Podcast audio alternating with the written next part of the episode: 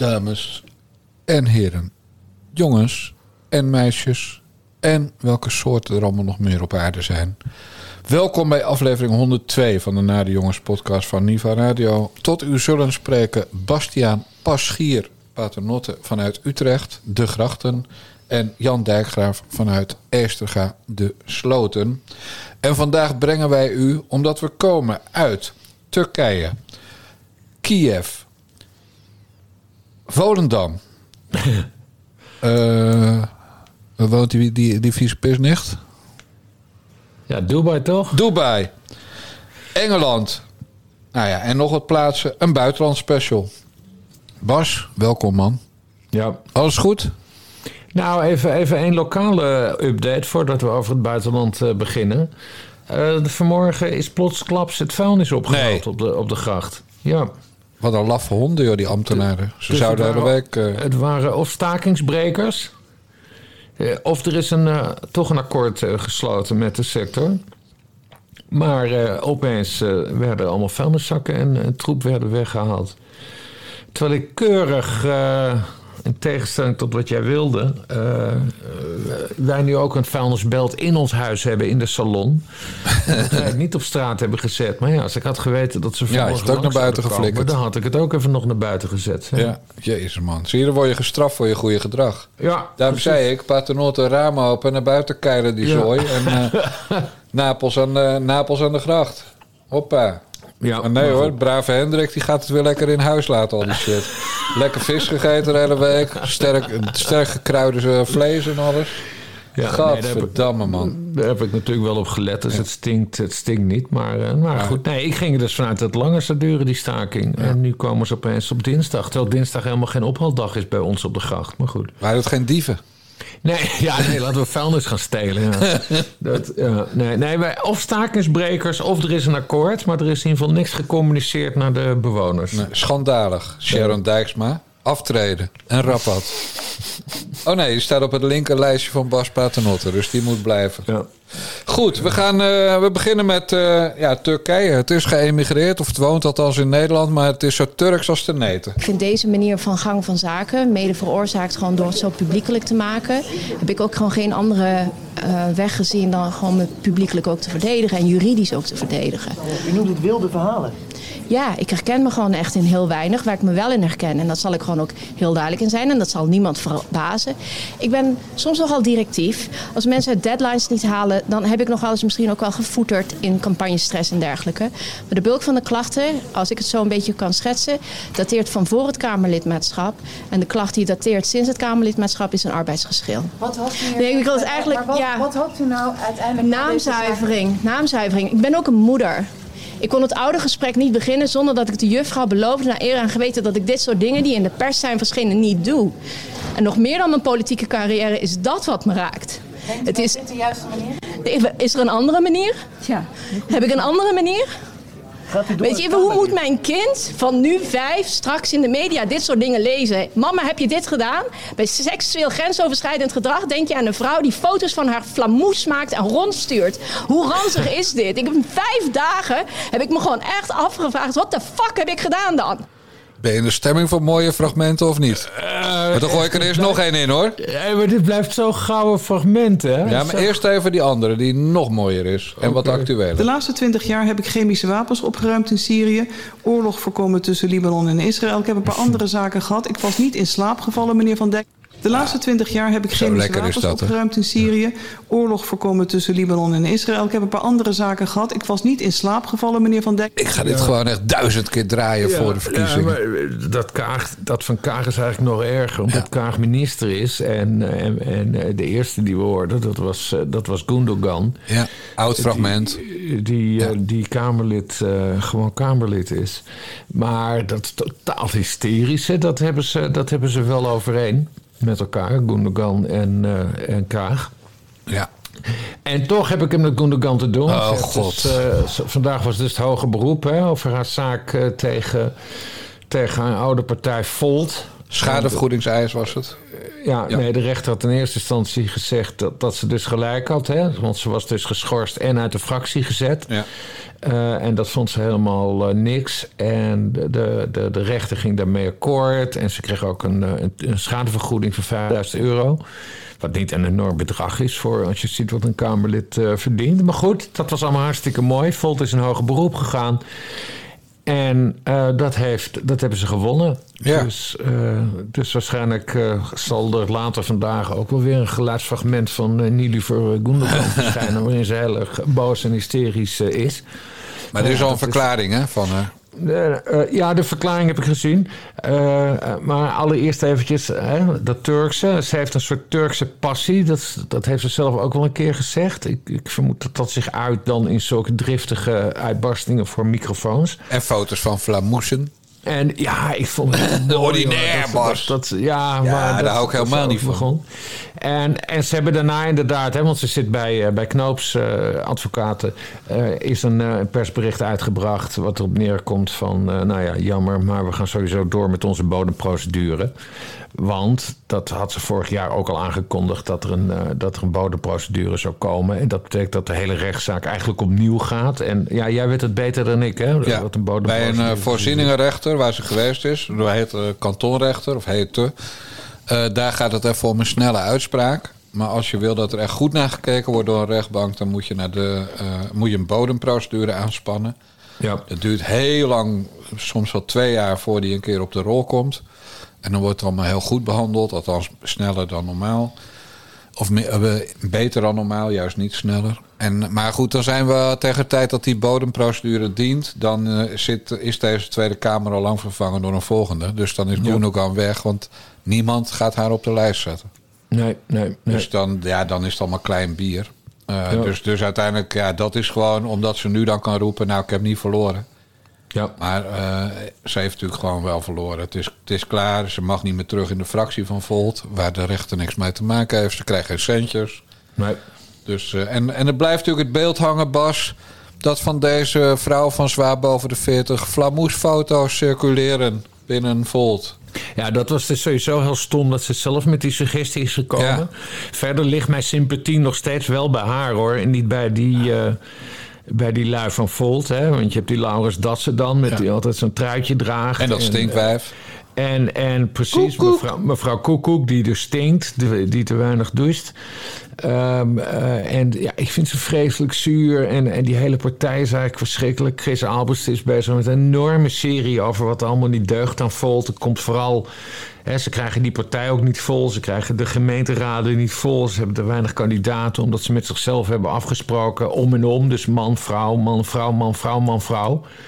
En daarom hebben ze dan heel veel eh, gemeenteraden, gemeenteraadsverkiezingen niet mee kunnen doen, omdat ze dat niet rondkregen.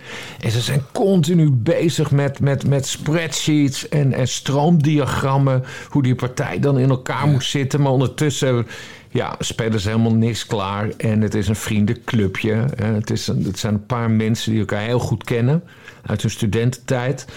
Eh, en want die van Landschot en die Dassen, die kennen elkaar ook alweer heel lang. En eh, eh, ja, uit dat vriendenclubje is zeg maar een hele partij ontstaan. Maar minstens zo belangrijk. Ze, zijn, ze willen de, de staat ondermijnen. Ze willen eigenlijk alles wel aan Europa gaan geven.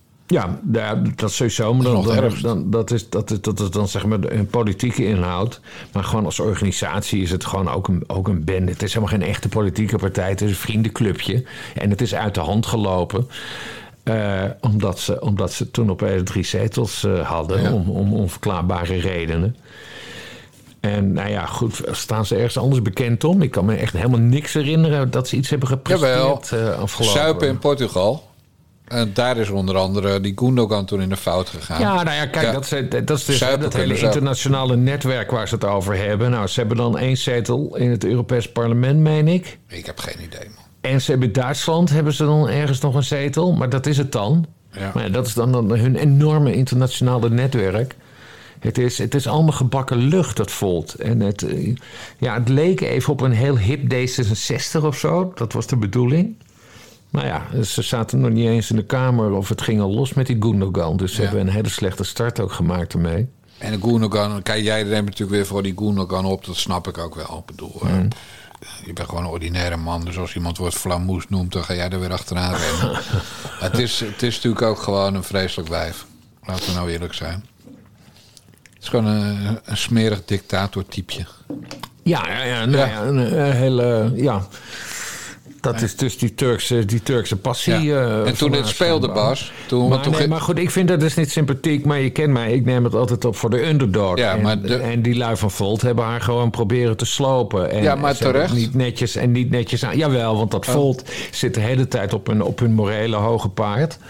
Eh, maar als het op neerkomt, dan is het vriendenclubje... Hebben ze, eh, heeft geprobeerd de hele Gundogan naar buiten te fietsen. En, eh, maar goed, daarom lees Nee, maar wacht, wacht, Albert, wacht, heeft wacht, hij wacht. zoveel voorbeelden van. En weer Chris Albers. Man, hou dat toch op met die reclame. Betaalt die gozer jou of zo? Nee, nee, nee. nee Is dat- hij is dat hij een en George Soros van, Hij is een eh, van de weinigen, een van de weinigen eh, die gewoon diep in Volt is gedoken. Want verder duikt helemaal niemand erin. Ik ga jou Omdat nog even een vraag stellen. Ik Ja. ga jou nog even een vraag stellen. Jij beoordeelt Gundogan met de kennis van toen, toen dit speelde. Hmm. Dus dan, dan heb je in je hoofd, is het net zo erg als bij The Voice bijvoorbeeld geweest met haar. Maar inmiddels hebben we ook de kwestie Matthijs van Nieuwkerk gehad. Hmm. En daar is dit veel meer mee te vergelijken. Want natuurlijk heeft ze geen foto's van, van, van, van ja, oeh, ik moet er ook... Ik, ik ben een beelddenker, Bas. Ik zie gewoon gelijk eh, een bos van die zwarte haren, ongeschoren, weet je wel. Van, eh, gewoon dat je denkt van, ja, eh, hoe heet die schrijver die met al dat haar? Nou de- zoiets, maar dan zwart, dat zie ik dan gewoon voor me dat dat is rondgestuurd. Dus dat is het helemaal niet. Nee, het is gewoon een Matthijs van Nieuwkerk typeje. Ja. Een, een smerig, een smerigse machtswellusteling die gewoon mensen uitvoetert en zo. ja, maar dat is met één, één iemand gebeurd of zo. Ja, dat zeg jij. En, en, en nee, maar dat, dat, dat bleek ook uit die, uit die, uit die rechtszaak. Ja, dat Alleen, zeg jij. Volt wilde van haar af. Dus ze hebben alles bij elkaar gegooid. En Ja. daarom allemaal, Nou ja, dan wel. allemaal van die suggesties, eh, suggesties gedaan. Dus als die eh bodemprocedure er ooit nog komt, inderdaad, ja, dan wint ze die wel, denk ik. Ik weet het al, Henk Spaan. Het kapsel Ja. van Henk Spaan, maar dan zwart. Dat zie ik dan voor me. Godverdamme. Ja, dat bedoel ik. ook voor me, ja. Ja, dat is Oh, toch God. goor? Ja, Dan, ja, alleen dat is al reden om te zeggen wegwezen. Maar, en dan zelf met uw suggestie komen. Hè? Ja, dat ze denkt oh, van ja. Dus want nee, ze- ik neem het verder ook niet voor Nee, want ze maar- denkt dan maar- natuurlijk... Ja, er zijn ook mensen die dat wel kicken vinden... die, die daar helemaal opgewonden van raken... van zo'n zo'n zwarte Henk Spaan eh flamoes. Ja. Dat, dat denkt ze dan. Dus het is gewoon eigenlijk uitlokking wat ze doet. En op het moment dat er dan een man in- op in zou gaan... dan is het weer... oh, seksuele intimidatie. Omdat ik Turks ben zeker. Krijg je dat weer. Oh man, ik word er zo moe van. Ja, die, die, hele, die hele suggestie die laat ik dan... eh, Ja, nee, dat tuurlijk. zo Ja, hebben lekker makkelijk. Ja. Ja. Alle rechtszaken voor Dijkgraaf. Zo werkt dat bij jou. hey, eh, laten we het even over eh Sjoerd Wiemer Sjoerdsma hebben. Ja. Eh, ik heb een leuk oud fragmentje gevonden... waarin eh, eigenlijk twee mensen niet deugen. Nu geef ik het woord aan de heer Sjoerdsma van D66. Gaat u Voorzitter, het doet pijn om deze Kremlin-propaganda hier in ons Huis van de Democratie te moeten horen. Eerder al pleitte de heer Baudet voor het afschaffen van de sancties tegen Rusland. Hij herhaalt nu de claim van Poetin dat Oekraïne geen land is. Hij herhaalt de claim van Poetin dat hij zou zijn uitgenodigd om dit militaire geweld tegen Oekraïne uit te voeren. Hij zei zelfs toen Rusland Oekraïne bi- binnenviel... op een moment dat zeer gevaarlijk is ook voor ons continent en voor Nederland... laten we misschien maar eens even kijken of we nog wel in de NAVO moeten blijven. En ik vraag dus de heer Baudet namens wie hij hier vandaag staat. Staat hij hier namens het Nederlandse volk of staat hij hier namens het Kremlin? De heer Baudet. Ik sta hier namens mezelf en ik vertegenwoordig wat ik denk dat het Nederlandse belang is. En ik denk dat wat hier nu gebeurt heel erg, eh, wat, hè, de mensen hier willen in meerderheid, premier Rutte wil en zo, heel slecht is voor de belangen van het Nederlandse volk. Wij worden een wereldoorlog ingerommeld. Er is een escalatiecyclus gaande waar geen uitweg uit is. De enige uitweg is alsnog de Minsk-akkoorden respecteren. Federaliseren van Oekraïne, neutrale staat en een brugfunctie tussen Oost en West. Erkennen van Rusland als partner op het Europese continent. Dat is de enige manier waarop wij op lange termijn de echte vijand, China, het hoofd kunnen bieden. En wat we nu doen is het allerstomste wat wij vanuit het perspectief van het overleven van de westerse beschaving op lange termijn kunnen doen. Dank u wel. De heer Sjoerdsma. Voorzitter, de heer Baudet en zijn club hebben velen in deze Kamer, maar ook in het kabinet, gedreigd met tribunalen. Die zouden komen als onder andere Poetin het voor het zeggen zouden krijgen. Maar ik zeg tegen de heer Baudet, die tribunalen komen niet. Want op het moment dat het ertoe doet, staan de democratieën sterk. Staan de westerse democratieën die de, die de heer Baudet zo verafschuwt, die staan sterk. Maar weet u, weet u, meneer Baudet, over wie, over wie er wel geoordeeld gaat worden? Niet door tribunalen, maar door de geschiedenis. Over de heer Baudet als meeloper van een oorlogsmisdadiger. Sjoerd Wiemer Sjoerdsma bevond Ja. zich gisteren en vanochtend vroeg in Kiev om Poetin te verslaan. Ja, hij was, Toch? met, eh, hij was met een paar Kamerleden. Zijn ze, hebben ze het, eh, het, het, Oekraïense parlement in, eh, in Kiev bezocht. Er is ook een fotootje gemaakt. Hij staat dus niet op de foto met Zelensky. Nee, met Baker. Dat is wel apart, want... Ja. want Iedereen want, eh, staat op de foto. Ja, iedereen staat met eh, Zelensky op de foto, maar Sjoerd Sjoerds maar niet. Terwijl die zelfs al F-16's aan hem wilde geven. Dus, Ja. eh, dus dat is een beetje apart. Nee, maar echt, dat, wa- wat we net hoorden over dat debat hè, met, met, met Baudet. Kijk, Baudet is knettergek. Dat is helemaal geen discussie meer. Eh, we hebben het er vaker over gehad. De Kamer maakt Baudet zo groot als ze zelf Ja. willen. Nou, Sjoerd Sjoerdsma is iemand die Baudet heel erg groot gaat maken. Eh, of maakt, continu. Want ik ben bijna voor Baudet als je Sjoerd Sjoerdsma hoort. Wat echt dat over uit de... Uit de Oh, wat een blaaskaak is die Sjoerdsma zegt. Het is Ja. ongelooflijk. Negeer die Baudet gewoon. Maar doe niet alsof jij zo'n... Zo, hè, oh, de, de geschiedenis over Baudet gaat oordelen. Weet je hoe de geschiedenis over Sjoerdsma... Ja, ook. Over Sjoerd Sjoerdsma gaat oordelen. De man die bewust, bewust een, vorm, een informateur... informateur, hè, Johan Remkes... zwart heeft gemaakt door te suggereren... dat hij stomdronken eh, een vergadering had eh, eh, geleid. Wat, wat een smerig verzinsel was. Ja. Door Sjoerd W. Sjoerdsma van D66. Echt. Daar, daar gaat de geschiedenis ook over oordelen. Sjoerd Sjoerdsma, maar een mannetje met je domme trui. Hij heeft ook een domme, hele domme trui aan. Op die foto bedoel je? Ja, op die foto in het Wat dan? parlement. Ik, ja, een groene trui met een blauwe rood met een Nee, een soort vlagje. veehalstrui, maar dan, maar dan ook, ook met een kraagje. Het ziet er ook helemaal niet uit. Gewoon, nou ja, goed. Bah. Maar goed, ik denk die heeft gewoon, eh, omdat hij natuurlijk heeft gediend, hè, het vaderland heeft gediend. Ik Ja, denk, ja. nou, die heeft gewoon Oh, zijn militaire uitrusting aan. Ja. Maar goed, het was allemaal, het waren twee VVD'ers en het was Sjoerdje Sjoerdsma en het was mevrouw Mulder van het CDA en het was natuurlijk iemand van de PvdA, want die horen ook bij de coalitie. Er was niemand bij van de ChristenUnie, er was niemand bij van die andere steunpartij GroenLinks. Maar Bas Paternotte, waar wij het over moeten hebben is de enige man die daar had moeten zijn en die ontbrak, die wel echt reserveofficier is in het Nederlandse leger. Dirk Boswijk van het CDA. Waar was die? Geen idee. Misschien mocht hij niet mee. Ja, of bang voor oude vrouwtjes, dat je die ook in Kiev hebt. Oh ja, god, ja, hij is een keer bedreigd door een oud vrouwtje. Dat is ook nog, ja. Bedreigd. Nee, die vrouw die klopt, die, die, eh, die eh, kwam bij hem aanbellen thuis en hij was er niet. En die vrouw wilde hem graag spreken over zijn standpunt met betrekking tot de boeren. En toen Ja. maakte hij ervan dat hij een paar dagen thuis bleef, of een paar weken. Omdat eh, zijn gezin ernstig in gevaar was. Ja, maar het was dus een oud vrouwtje. Exact. Maar die, eh, die Boswijk is dus net als eh eh, Sjoerdsma ook een man die heel erg trots is op het feit dat hij het land dient, het vaderland dient. Ja. Dus die had erbij moeten zijn, vind ik. Ja, Dirk Boswijk moet trouwens een keer zijn bijverdiensten gaan opgeven. Ja. Want hij is continu boeken aan het schrijven. Exact. Ja. Die hij uitgeeft. Maar die ziet er nooit iets van terug in, eh, in het nevenfunctiesregister. Heel goed, heel scherp gezien van je. Er zijn twee mensen die eh, keurig verdiensten van boek hebben opgegeven van al die Kamerleden. Pieter Omzicht, anderhalve ton. Eh, en die heeft hij geschonken aan twee goede doelen. Dus dat is keurig, maar dat moet dan in twee jaar, omdat je maar een bepaald bedrag per jaar mag schenken.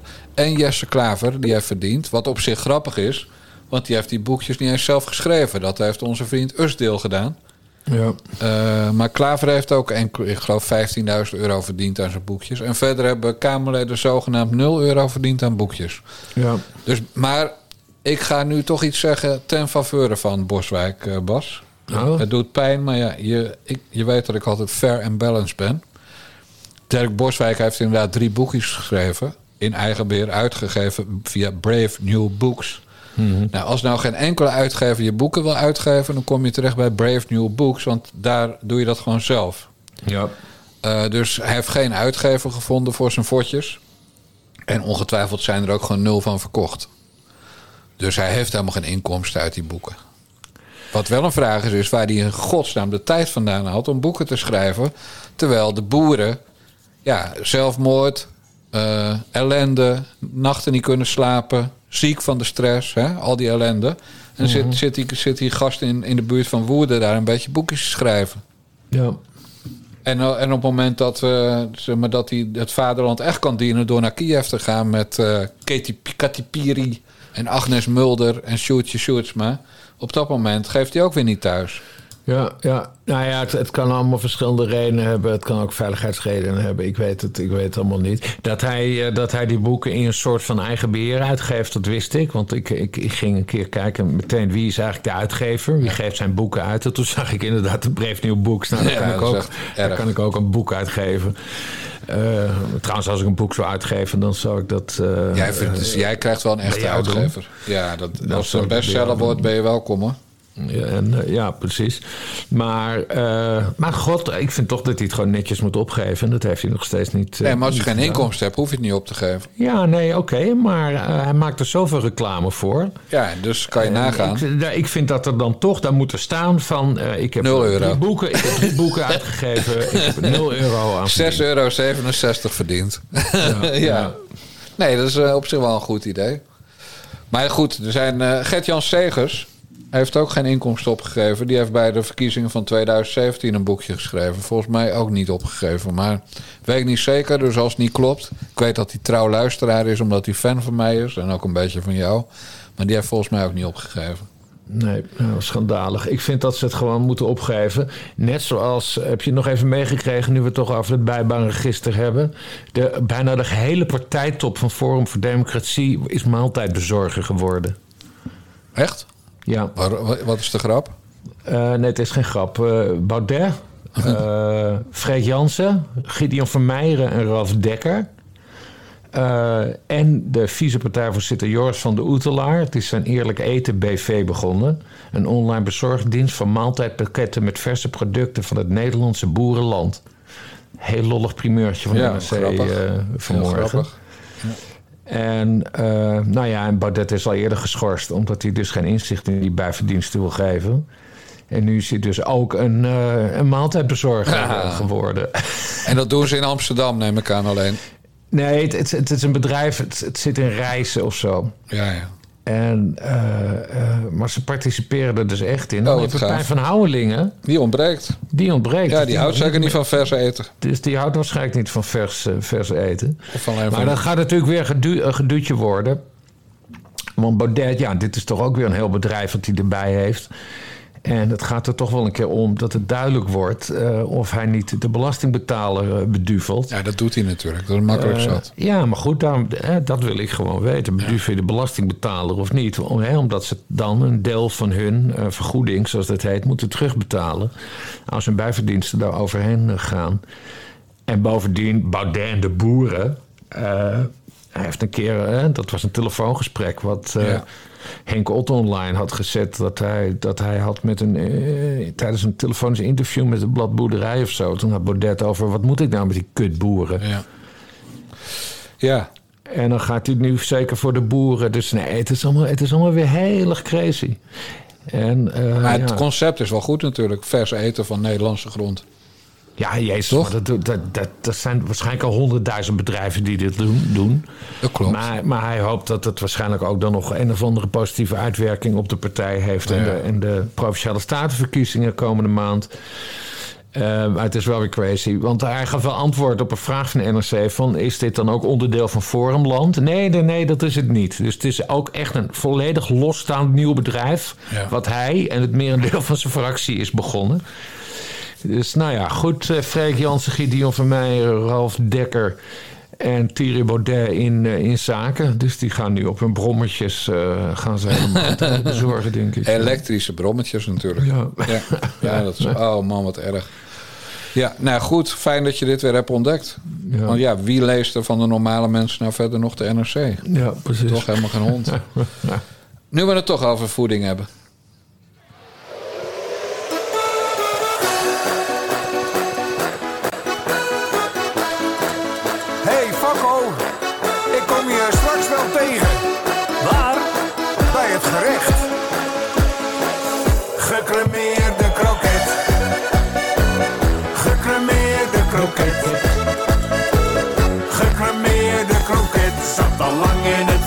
Stond er op het buffet.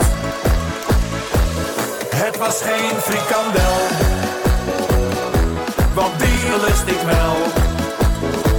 Maar gecremeerde kroket. Te lang in het vet. Was op tafel gezet. Als je iets maakt moet je goed opletten.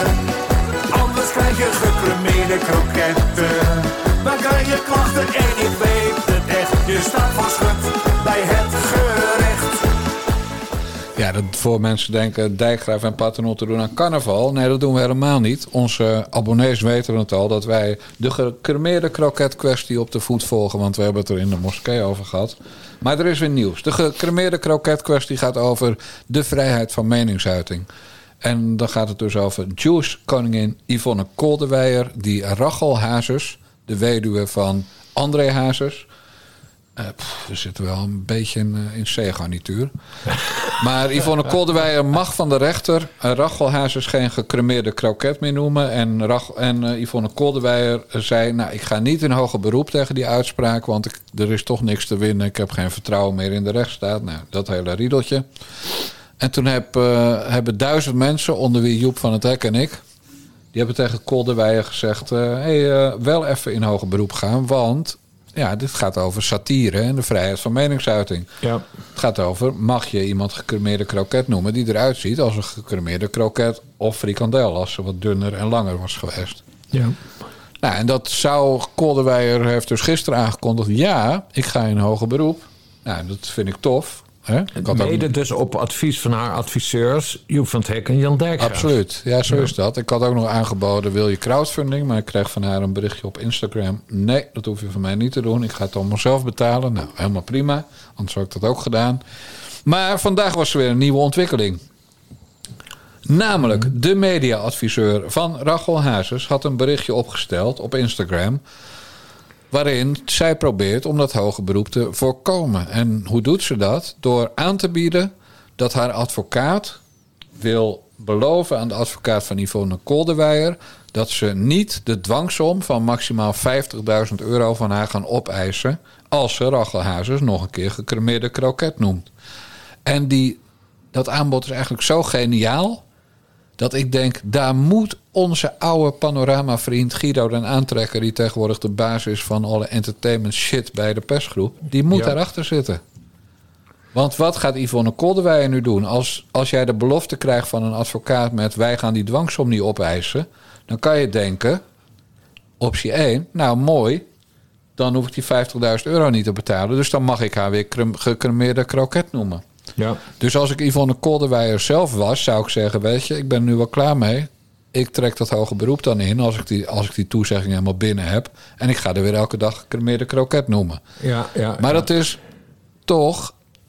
Dat, dat komt niet de vrijheid van meningsuiting... En, en het recht om satire te bedrijven ten goede. Want als die uitspraak blijft staan omdat er geen hoger beroep komt... dan gaat vanaf nu iedere gecremeerde kroket die gecremeerde kroket wordt genoemd... bijvoorbeeld pratende naaimachine Mark Rutte... Hè? die kan naar de rechter gaan en verwijzen naar de uitspraak... in civiele zaak weliswaar, van Yvonne Koldewijer en Rachel Hazes... je mag iemand geen gecremeerde kroket noemen. Dus op het moment dat, dat, die, eh, dat het hoge beroep er niet komt... dan blijft die uitspraak wel staan... ook al gaat Hazes die 50 mil niet opeisen van Koldewijer. Ja, ja. Dus als je het heel objectief en afstandelijk bekijkt... zou Koldewijer gewoon lekker eh, moeten zeggen... nou Guido den Aantrekker, onwijs bedankt voor het advies... wat jij voor Rachel hebt geschreven... want er stonden helemaal geen tik- en taalfouten in. Eh, maar we gaan toch hoger beroep aan. Nou, maar dat kost Yvonne Koldewijer centjes. Ja, ja. En nog een kans om te verliezen ook. Hè? Ja, Laten we ja. eerlijk zijn. Dus, dus eh, moeilijk, moeilijk, moeilijk, Bas Paternotte. Ja, heb je ook die reactie van Kolderweijer al gezien? Nee, want ik, ik zat uren te wachten... tot ik eindelijk verbinding met Utrecht had. Oké, nee, want die Kolderweijer die heeft dus ook weer ergens een reactie geplaatst op, op een van die kanalen van haar. En ze zegt dan, ehm, eh, hè, ze was dus bereid dit principiële punt wat jij zegt te bevechten, desnoods tot aan de Hoge Raad. Eh, maar omdat, eh, eh, omdat Hazes ja, dus dat nu allemaal intrekt, zeg maar... Ja. heeft zij iets van... wat zegt ze nou? Even kijken hoe ze dat nou precies zegt. Oh ja, ze voelt zich niet comfortabel... om daarom nu ons rechtssysteem hiermee alsnog lastig te moeten Ja, vallen. Ja. Volgens mij hebben de rechters het al druk genoeg. Eh, en ze zegt dan als laatste, dat is nog wel mooi filijn tegen Rachel Hazes... ik ben blij dat je dat nu zelf ook inziet. En dat gaat dus wel een beetje voorbij aan jouw punt inderdaad... Van dat die uitspraak dus dan in principe blijft staan... Ja, dat het dus juris, jurisprudentie is... En dat iemand daar dus weer misbruik van zou, zou kunnen maken. Ja, ja, ja, Ja, ja, als ik bijvoorbeeld kleine kale kapelmeester word genoemd... Hè, dan, Mhm. dan is dat toch de afkorting van de Ku Klux Klan. Ja. KKK. Dus dan kan ik eh, naar de rechter stappen en zeggen dat dat ernstig beledigend is. Ja. Dus, dus dan weet je wat je te wachten staat als je mij nog een keer kleine Ja. kale kapelmeester noemt. eh Ja, boef. Nou ja, het is, het is mijn vinding. Dus iedere keer als jij het zegt, krijg ik weer een kaartje. Dus dat, ja. Nee, maar goed, Kolderweijer heeft dus gelijk. Alleen zou ik haar adviseren om even te wachten met intrekken van het hoger beroep... tot die verklaring van die advocaat binnen is. Want dan blijft er al hazes. Ja. Ze is natuurlijk totaal niet te vertrouwen en vreselijk geil op geld. Ja. Maar, eh, maar op zich eh, heeft ze dus eindelijk... Want het grappige is, die eis om dat woord te verbieden... die is, die is nagekomen hè, bij, het, eh, bij de rechtszaak toen. Mhm. Dus die zat er helemaal niet in. En die hebben ze later ingediend, de Hazeskant. En dat is uiteindelijk wat in haar, gez- ja, in haar gezicht is die gecremeerde kroket ontploft. Ja. Maar dit is wel knap opgelost. Ik kan niet anders zeggen. Ja, ik, heb ik wel respect voor. Dus ik zeg niet dat Guido den aantrekker zijn handtekening eronder staat. Want er staat geen handtekening onder. Maar ik denk wel, nou Guido, goed dat je er even tegenaan hebt bemoeid, vriend. Ja, ja. Nou, dan krijg ik dus weer een DM'tje morgen van Guido den aantrekker. Ik heb hier niks mee te maken. Leuke uitzending, maar, maar dit is niet waar en je hoeft het niet recht te zetten. Ja, en waarom hebben we het altijd over Guido dan aantrekker in deze? Omdat Rachel Hazes hem een keer heeft gevraagd. Zo ging het toch? Nee, dat heb ik toen gezegd. En daar kreeg ik een DM'tje over dat dat niet helemaal klopte. Ja. Of hij de pleegvader van André Hazes junior wilde worden. Ja. Eh, dat zei ik toen. En toen heeft Guido me een DM gestuurd dat dat niet klopt. En ook hoe het wel zat.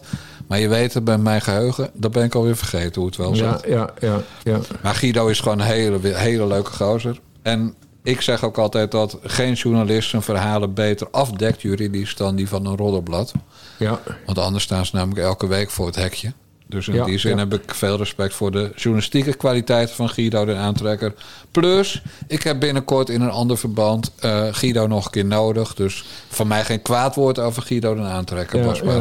Wat Nee, een held goed, ik, ken, ik ken hem ook al honderd jaar. En ik heb, hem, ik heb hem altijd een ontzettend sympathieke vogel, eh, sympathieke vogel gevonden. En dat is hij ook nog steeds.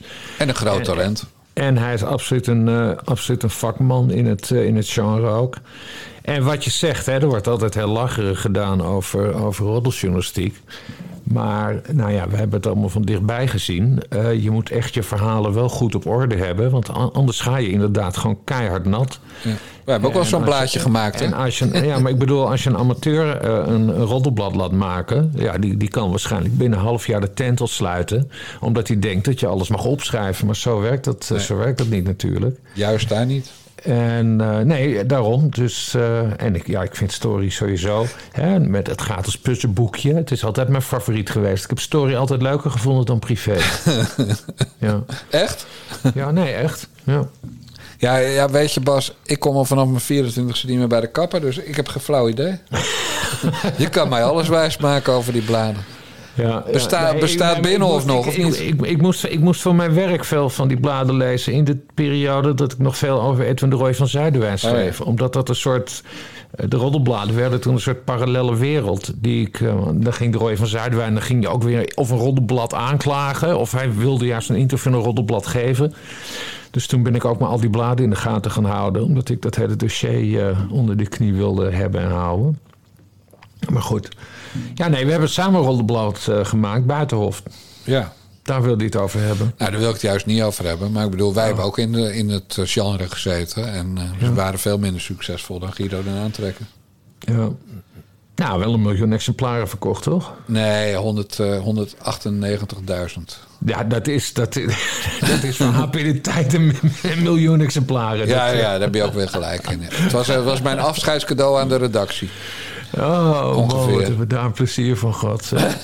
Oh, oh, Roken de Halsema op de cover. Zwangerschapstest bij Pechtold, die, eh, die toen eh, de, pers of de campagnestop vanwege de vliegramp in Tripoli ging eh, doorbreken. Ja. Mooie tijden, man. Mooie tijden. En iedereen maar denken dat ik dat blaadje had gemaakt en in die vuilniszak had zitten neuzen en zo. Ja. Ja, nou, je hebt vandaag zelf aan de gracht gezien. Van voor je het weet, heeft een andere vuilniszak al gepakt. Daarom stop ik echt nooit persoonlijke dingen in mijn vuilnis. Dat is, eh, daar moet je sowieso voor, eh, voor waken. Ja, toen kwamen nog lui van Propria Cures bij mij thuis de, de kliko leeghalen. Ja. Voor een verhaal. En, En toen, kwam jij, Dijkgraaf, en toen eh, kwam jij met de quote van... ja, de volgende keer schiet ik ze van mijn erf Ja. af. En toen, en toen werd Dijkgraaf opeens ook nog een vuurwapen gevaarlijk. Dus, dat was mooi. Het was wel een prima rel, hoor. Het was een prima mediarel. Alles Ja, zat erin. Ja. En het was helemaal crossmediaal, omdat eh, Femke... die had toen ook een column in mijn rubriek... Haagse Ja. Post van HP De Tijd. Eh, toen schreef ze iedere week een column. En toen niet meer. En toen niet meer. Omdat we daar met een, met een foto waarin ze een sigaret aan het roken was... op de cover van, van Buitenhof hadden gezet. Ja, en niet eens neukend met een van de vriendjes. Dat had Nee, ook echt, gekund. dat wist, wisten wij veel. Dat, Ja. dat wisten allemaal toen nog niet. Toen nog niet. En dat, dat ze zou gaan scheiden en weet ik veel. En dat, ze, dat, ze, dat een van haar zoon, of dat haar zoon later dan nog... eh, Wapenhandelaar werd. ook in de wapens ging. Echt, dat wisten we toen allemaal nog niet. Nee, het was een hele brave, leuke rel. En, ja. En we hadden nog steeds, vind ik, een goede reden om het te doen. In die tijd waren politici allemaal hun gezin aan het exploiteren. Dus hun privéleven. Ja. De kinderwagen van Wouter Bos, geloof ik. Ja, Samson met zijn gehandicapte dochter. ja. Terwijl ze deden het gewoon zelf. Nou, en Ja. met Pechtold, ik bedoel, een zwangerschapstest gevonden bij Pechtold. is natuurlijk wel heel grappig gezien wat er daarna allemaal is gebeurd qua Pechtold Ja. en zwangerschappen elders. Dus niet in Wageningen, ja. namelijk in Meppel. Voor zover we weten alleen in Weet, Meppel. weet, jij, weet jij welk jaar dat eigenlijk was dat we dat blad maakten? Nou, dat moet 2010 geweest zijn. Ja. Want ik heb alleen in 2009 en 2010 gewerkt. Nou, dus dan is het gewoon fucking 13 jaar geleden alweer. Ja.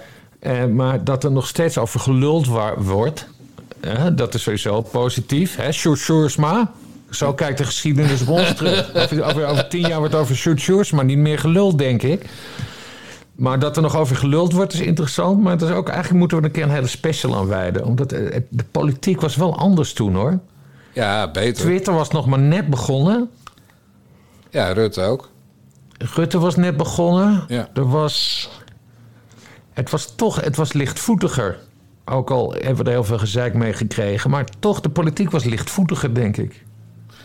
Nou ja, nou, eh, waren, of we waren misschien wel gewoon minder wijs. Dat we minder wisten over de politiek. Hoe het Ja. allemaal echt zit. hey, ik wou even verder. Want eh, ik, het is eigenlijk ook... Het is niet alleen, even, we hebben nu weer een buitenland gehad. Maar eh, Volendam is het ook buitenland, toch?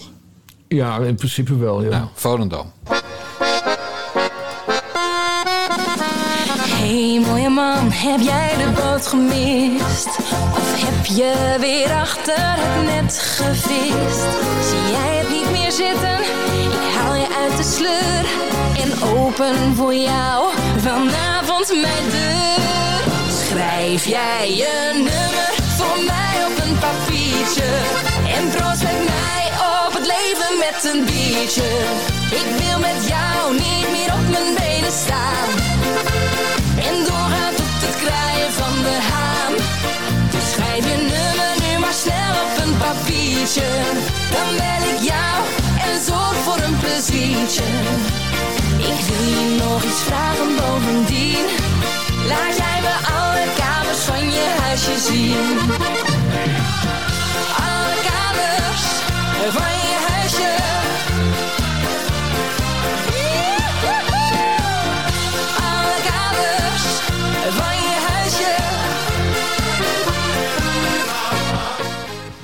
Mooi hè, die muziek.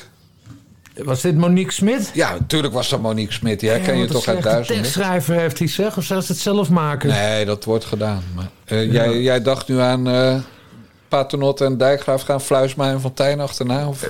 nee, maar goh, het is zo'n vreselijk slechte tekst. Paus. Dat, dat, nou We ja, zijn goed. team Monique Smit vandaag.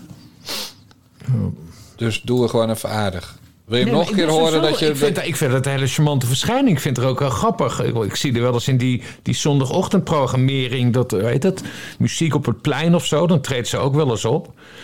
Maar ik, vind het, ik vond deze tekst wel heel erg kut, zeg. Gewoon ordinair was het. Ja, nee, Ja. maar ah ja, alle kamerluiden, alle, Alle hoeken van je de- huis maar even Ja, zien. Ja, dat gaat even alle hoeken van de slaaf. Snap ik, Monique, snap ik. Ja. Ja, Nou het, is ook, het is ook niet de muziek die ik normaal zou draaien. Eh, ik draai natuurlijk klassiek, dat snap jij wel. En Phil Collins, ja.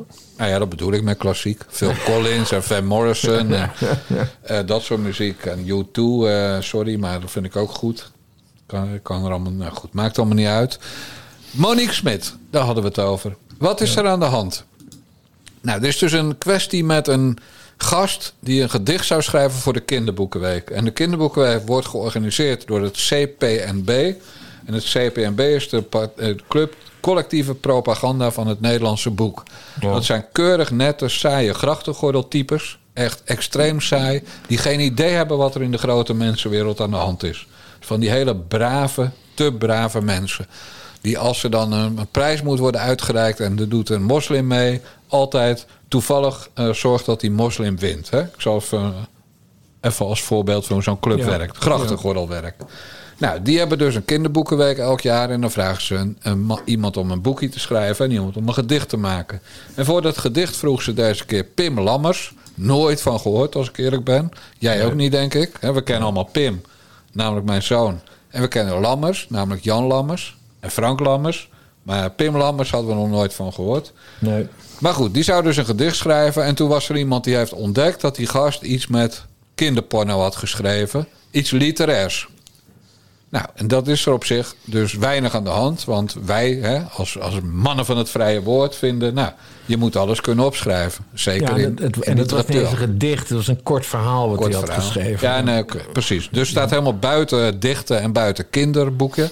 Of kinderliteratuur. Het gaat om de literaire vrijheid die die eh, eh, zes of zeven jaar geleden benutte. En toen eh, nou, die ranzigheid had opgeschreven. Ja. En Monique Smit, een moeder van twee jonge kinderen. Die zei, gadverdamme, pedofilie. Ik vat even kort samen. En er waren nog meer die dat zeiden. Bijvoorbeeld de door mij zeer gewaardeerde Kim Veenstra. Die ken je ook wel. De denker... eh, Kim denker, Veenstra, dat is die- eh, Kim Veens- Veenstra. ja. Die met die hele mooie stem. Ja. Ah, nou goed, ik ga volgende keer een stukje Kim Veenstra voor je opzoeken. En dan weet jij Ja, meteen ik weet hoe ze praat. Nee, want ze, ze is doof, hè? Ja, daarom. En daarom heeft ze zo'n gek stemmetje. Ja. Niet een gek stemmetje, een markant stemgeluid. Markant stem- ik zeg toch net dat ik er heel hoog heb zitten. Doe eens even.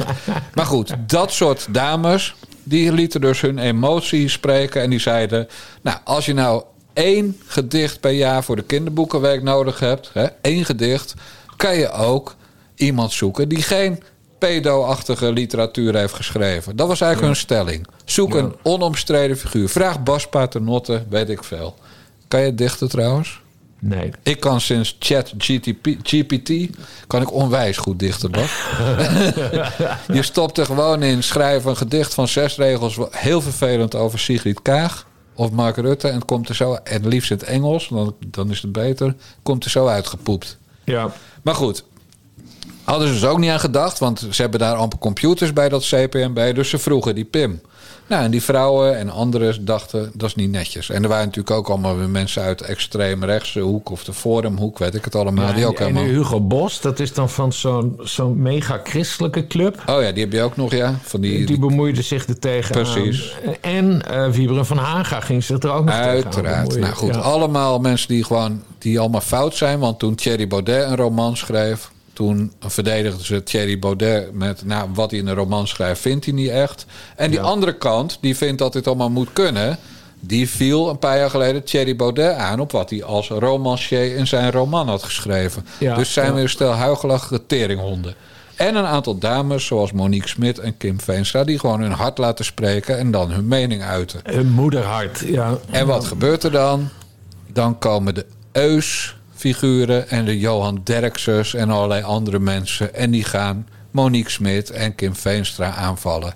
Dus schreef bijvoorbeeld die Turk, die Eus, Hè? Die gast over wie ik vandaag het beste briefje van mijn leven heb geschreven, al zeg ik het zelf, op briefje van jan.nl. Die Eus, die had een column in het AD vandaag.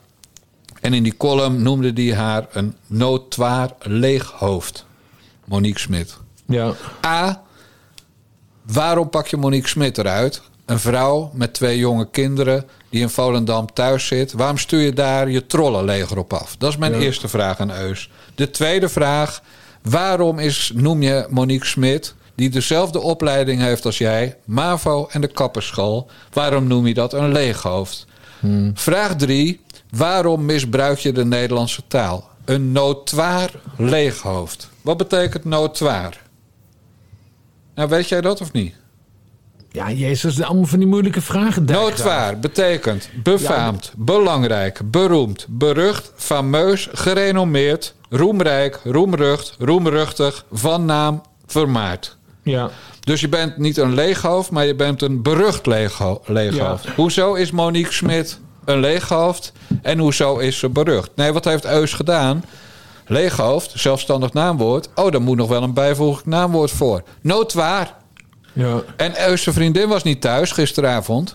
Hè? Die Anna van der Bremer, die nu ook bij Prometheus opeens een thriller gaat uitgeven. Want Prometheus, de uitgeverij van Eus, die Eus heeft bedacht, die is opeens ook van de thrillers. Ja. Eh, en Anna van der Bremer was niet thuis. Dus Eus heeft zonder dat zij zijn stukje door de machine heeft kunnen trekken, die column doorgestuurd. En dan krijg je notoir leeghoofd Monique Smit. Ja.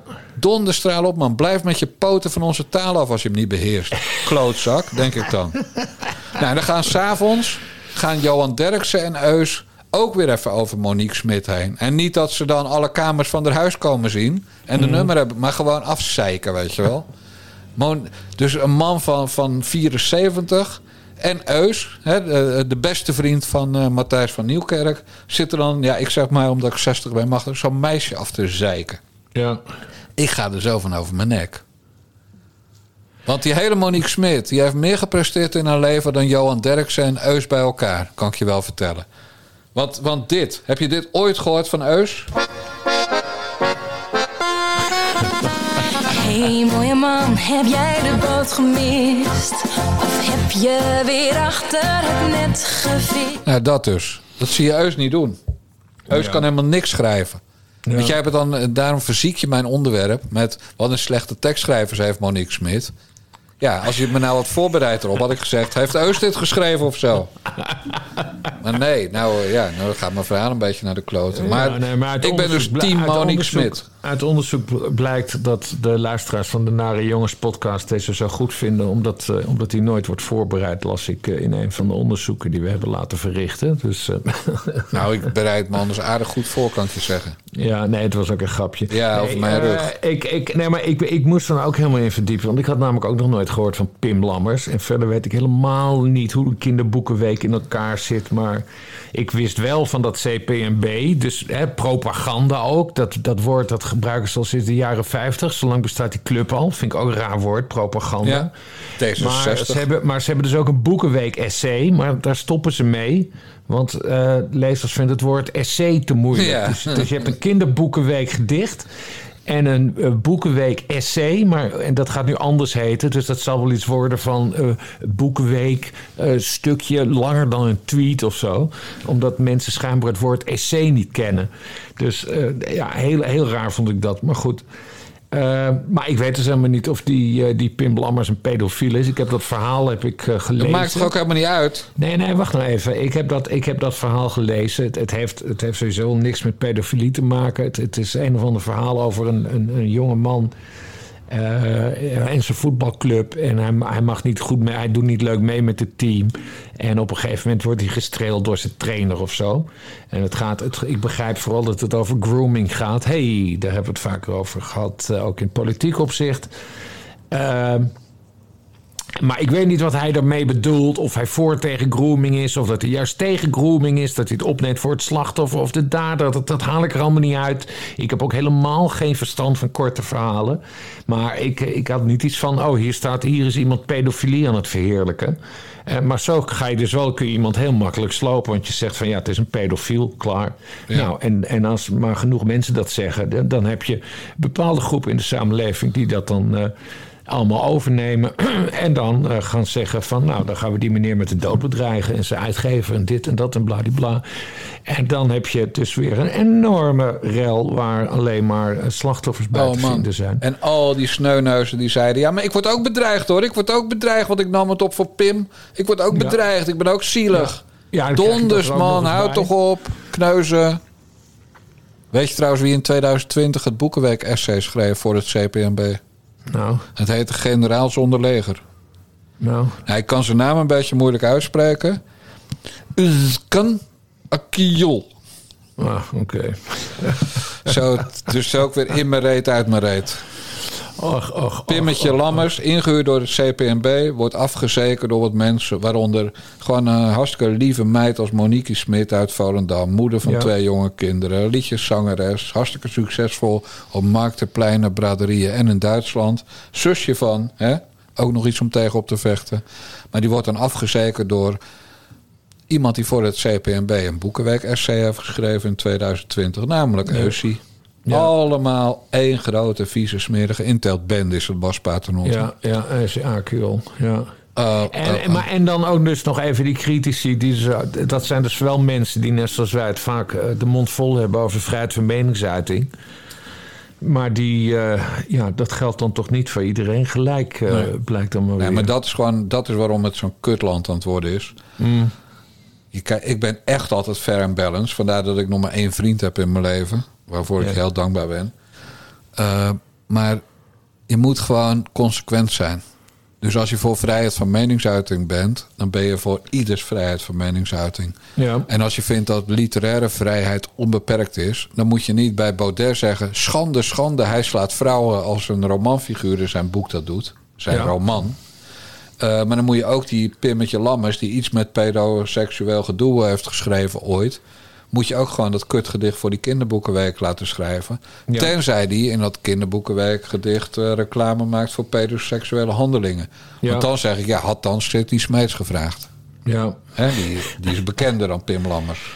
Ja, ja, ja, heel voorzichtig met wat je nu zegt, inderdaad. Had maar- dan Sidney Smeets gevraagd. En die heeft de wens wel eens uitgesproken. Volgens mij met de woorden, maar dat zet ik even, uh, even niet met zekerheid. Maar volgens mij met de woorden: Mijn stoutste droom is seks met een jongen van een leeftijd waarmee het niet mag. Dat is volgens mij het citaat. Maar ik kan Ja. ernaast zitten. Denk het niet hoor, maar ik zou ernaast kunnen zetten. En dan, daarom zeg ik bijvoorbeeld, ik weet het niet precies of hij het zo gezegd heeft. Hmm. En ik zeg dus ook niet dat hij het gedaan heeft. Hè, dat zeg ik zeker niet, want ik was daar nooit bij. Er zijn geen bewijzen van, er zijn geen beelden van. En een beeld van die man zonder kinderen is al erg genoeg voor, eh, voor je ogen. Ja, dat ook, dat ook. Ah, Bas van dag. Ja. Maar wat is hier? Oh ja, Volendam is buitenland. Ja, ik zat even te denken, hoe kwamen we alweer op Ja. buitenland? Nou, zullen we naar bij gaan? Ja, ja. precies.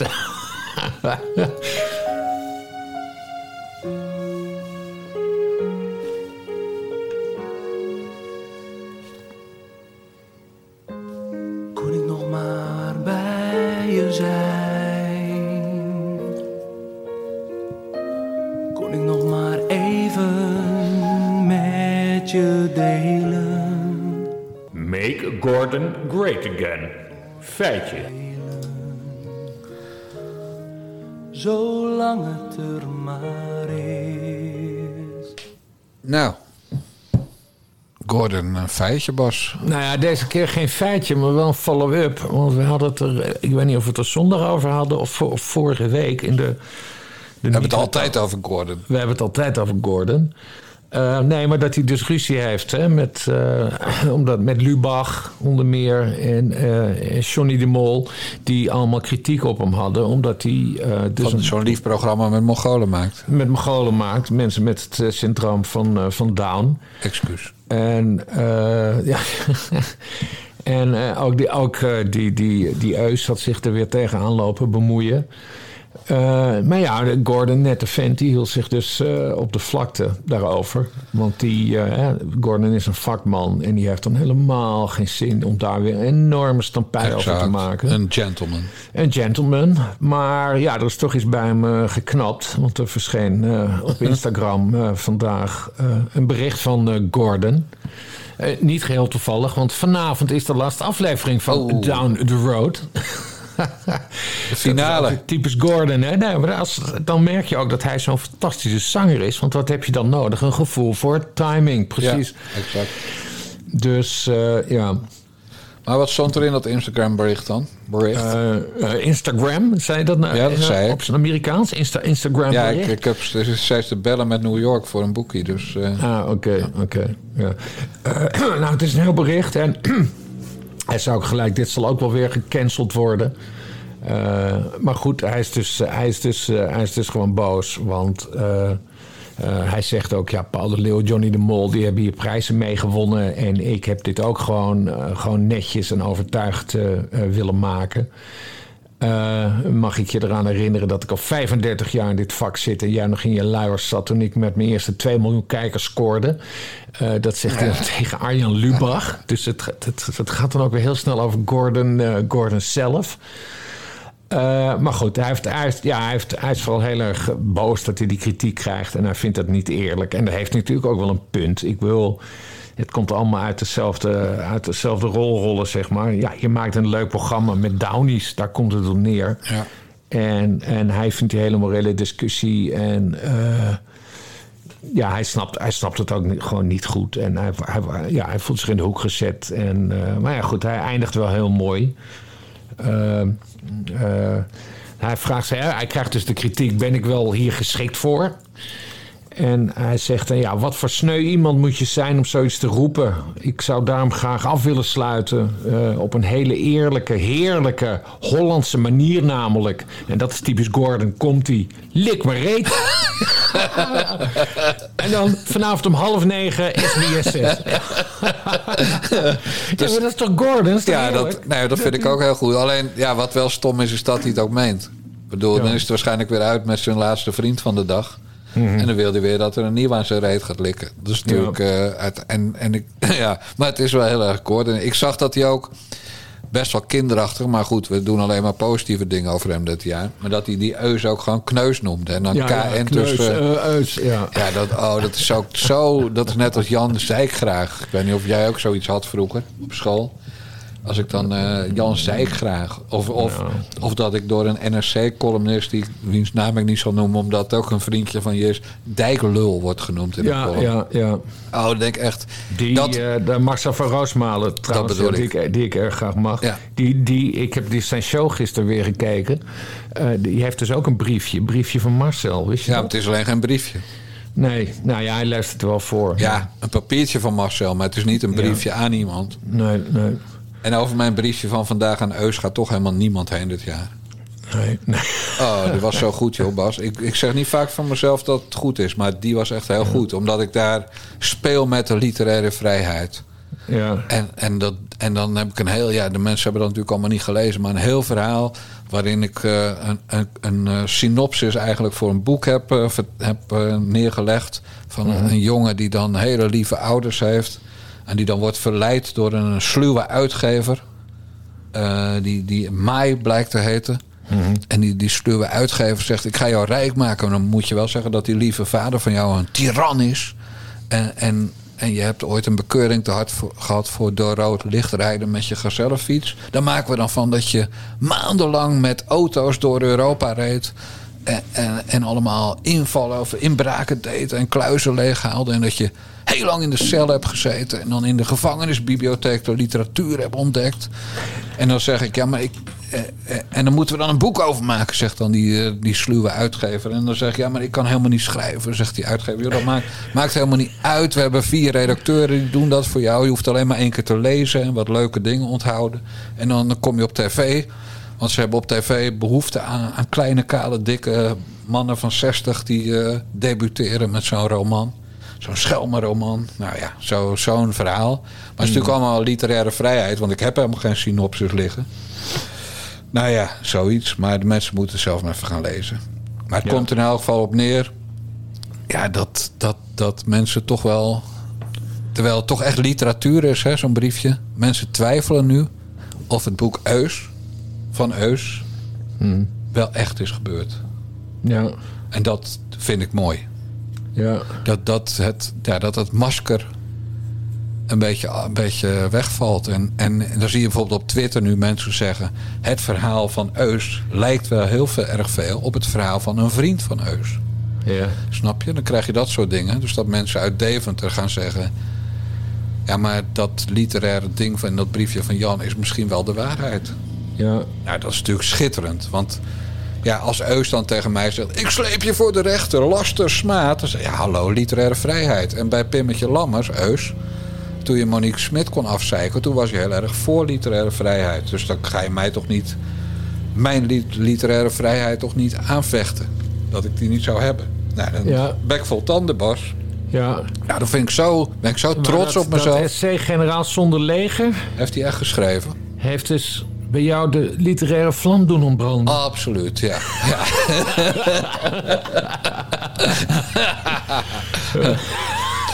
ja, nee, dat, was, dat is zo goed. En het beste eraan is nog dat het maar 64 pagina's is.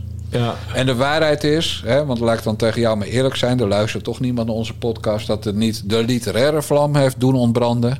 maar de vlam in een van onze houtkachels. Oké. Het werkte net zo goed als een aanmaakblokje. Het Boekenweek SC van Heus. En maar het grappige, allermooiste grap hè, is... Ik eh, had een column in Management, eh, Mens Held. Ja. En Eus had ook een column in Mens Held. En omdat we, hij ook een column had, stuurde ik mijn column over hem... want ik maakte toen een column over hem... stuurde ik bij- voor de publicatie naar hem. Hè, dat is gewoon collegiaal. Ja. Toen kreeg ik terug, tof, dankjewel. Dus dat was prima. Maar toen later blokkeerde hij me opeens op Twitter... en werd het een rel op de redactie van Mens Held met de hoofdredacteur. Want wat was Ja. er namelijk aan de hand? Ja. Peter Breedveld, jou wel bekend... Ja. die, eh, die schoolkrantredacteur van Frontaal Naakt... die had tegen Eus gezegd... ja, maar hij bedoelt dit cynisch. Hij bedoelt dit sarcastisch, die column. En toen ging Eus nog een keer mijn column lezen... en toen werd Eus heel erg boos over de column... waar die me een dag daarvoor nog bedankt had.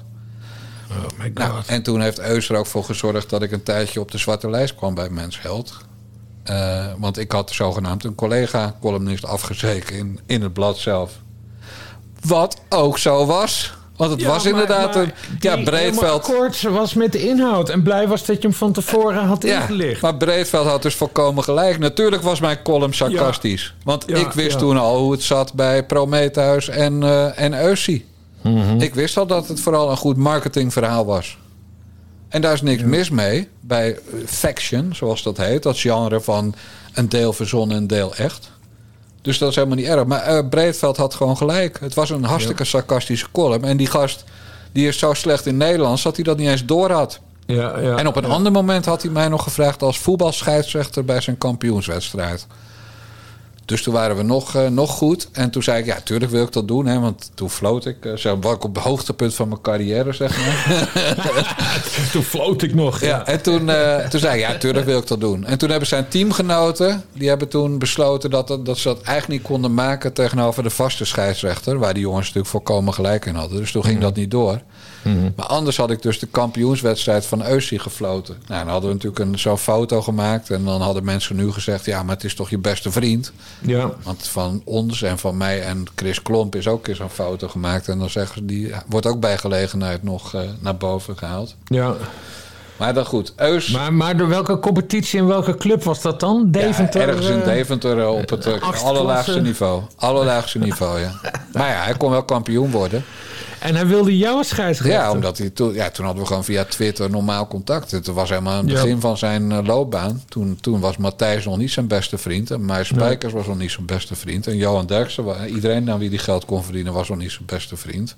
Ja. Dus toen was ik een van zijn eh, Twitter-vrienden. Nee, maar dan zie je ook al beroemdheid corrumpeert, hè? Ja, absoluut. die, eh, die- ja, ja, ja. Ik ben toen ook onmiddellijk gestopt met fluiten. Want dat hoogtepunt. Dus wat, nu was mijn allerlaatste wedstrijd die ik floot. Een wedstrijd van een damesteam in Amsterdam.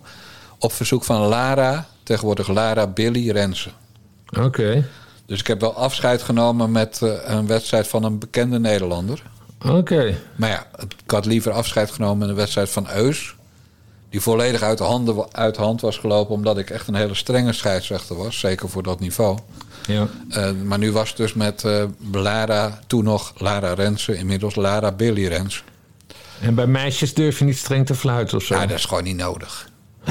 Nee, dat, daar zit weinig tuig tussen. Maar Eus had natuurlijk Ja. zo'n zo'n elftal eh, dat meer eh, dat dacht te kunnen voetballen, maar eigenlijk gewoon geen kloteren van kon. Ja. Ja, en, en, dan, en als je dan tegen mij schold, gaf ik altijd een kaart. Nou, Ja. stadswedstrijd, Deventer, Eus. Je kan je wel voorstellen dat het geen lievertjes waren. Ja, ik, zal, ik wil één korte anekdote hierover vertellen die hier een beetje op lijkt. En deze speelt in de jaren 90. Eind jaren 90 had ik een softwarebedrijfje. Oh?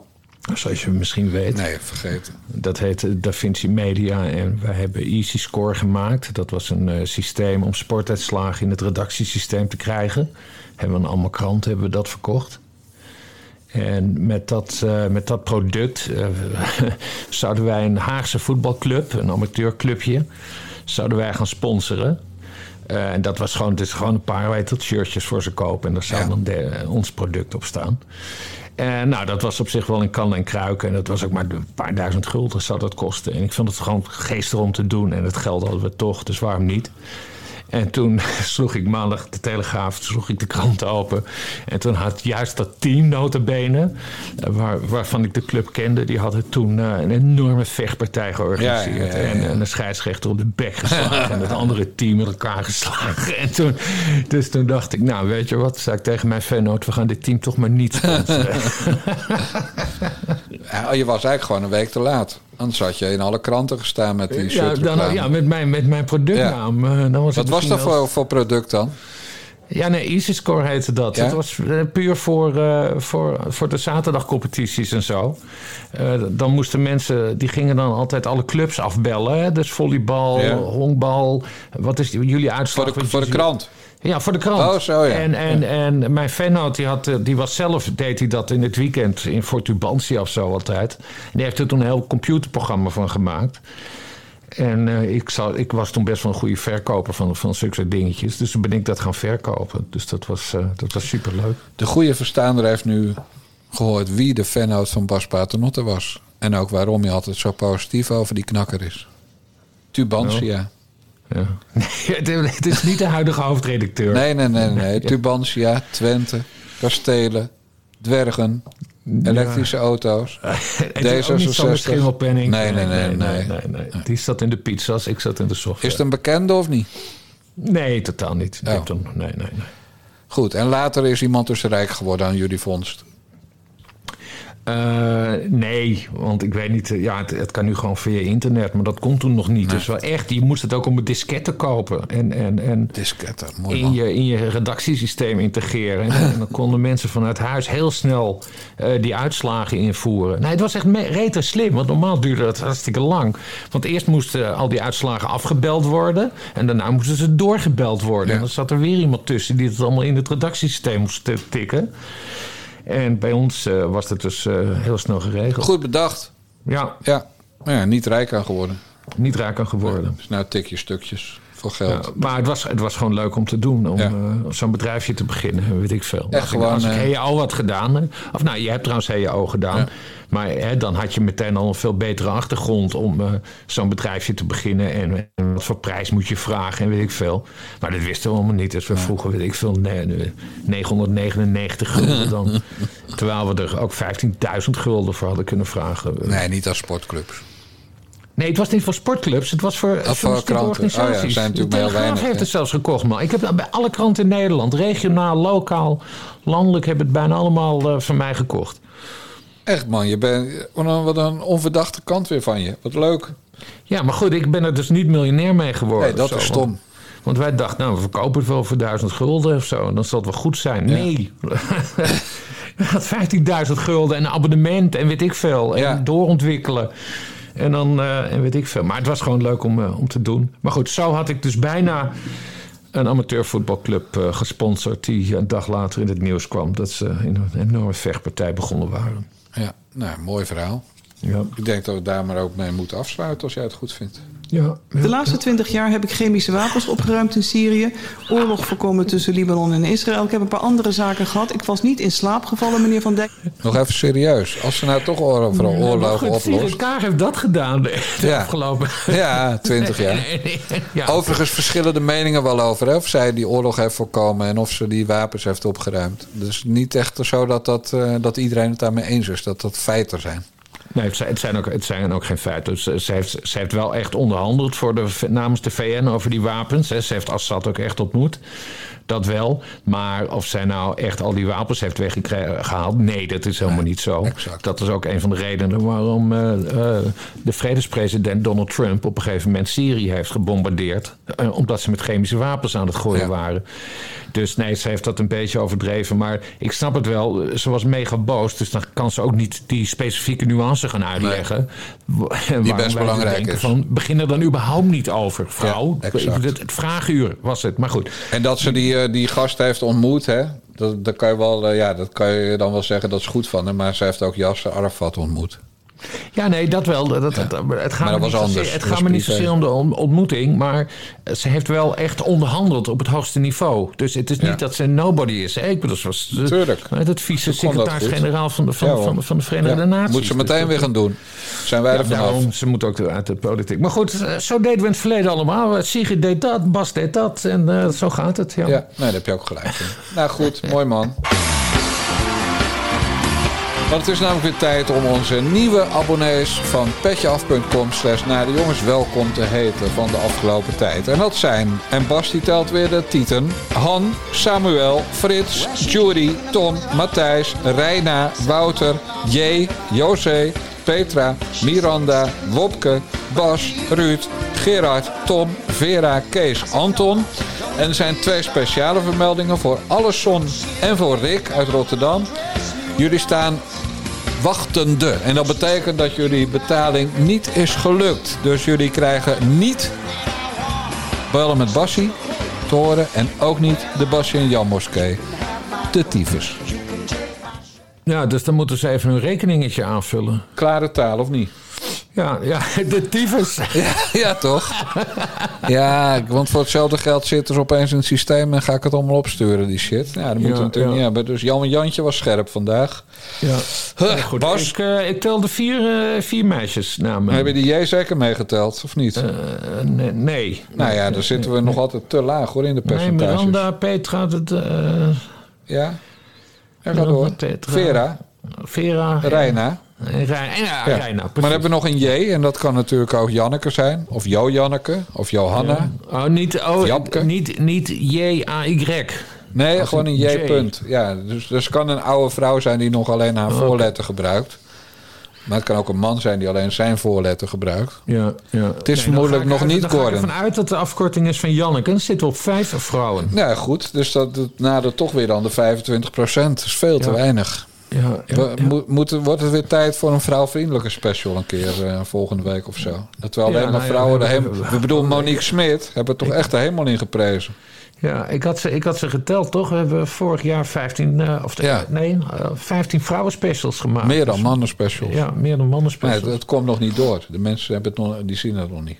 Nee, nee, nee. Goed, Bas. Dit was de 102e aflevering van de Nare Jongens podcast van Niva Radio. Wil je voortaan ook de Bellen met Bassie podcast ontvangen... en de Ecumenische Kerkdienst uit de Bassie en Jan Moskee? Abonneer je dan via petjeaf.com slash Nare Jongens. En verder zeg ik tot volgende week en de mazzel. Doei, doei.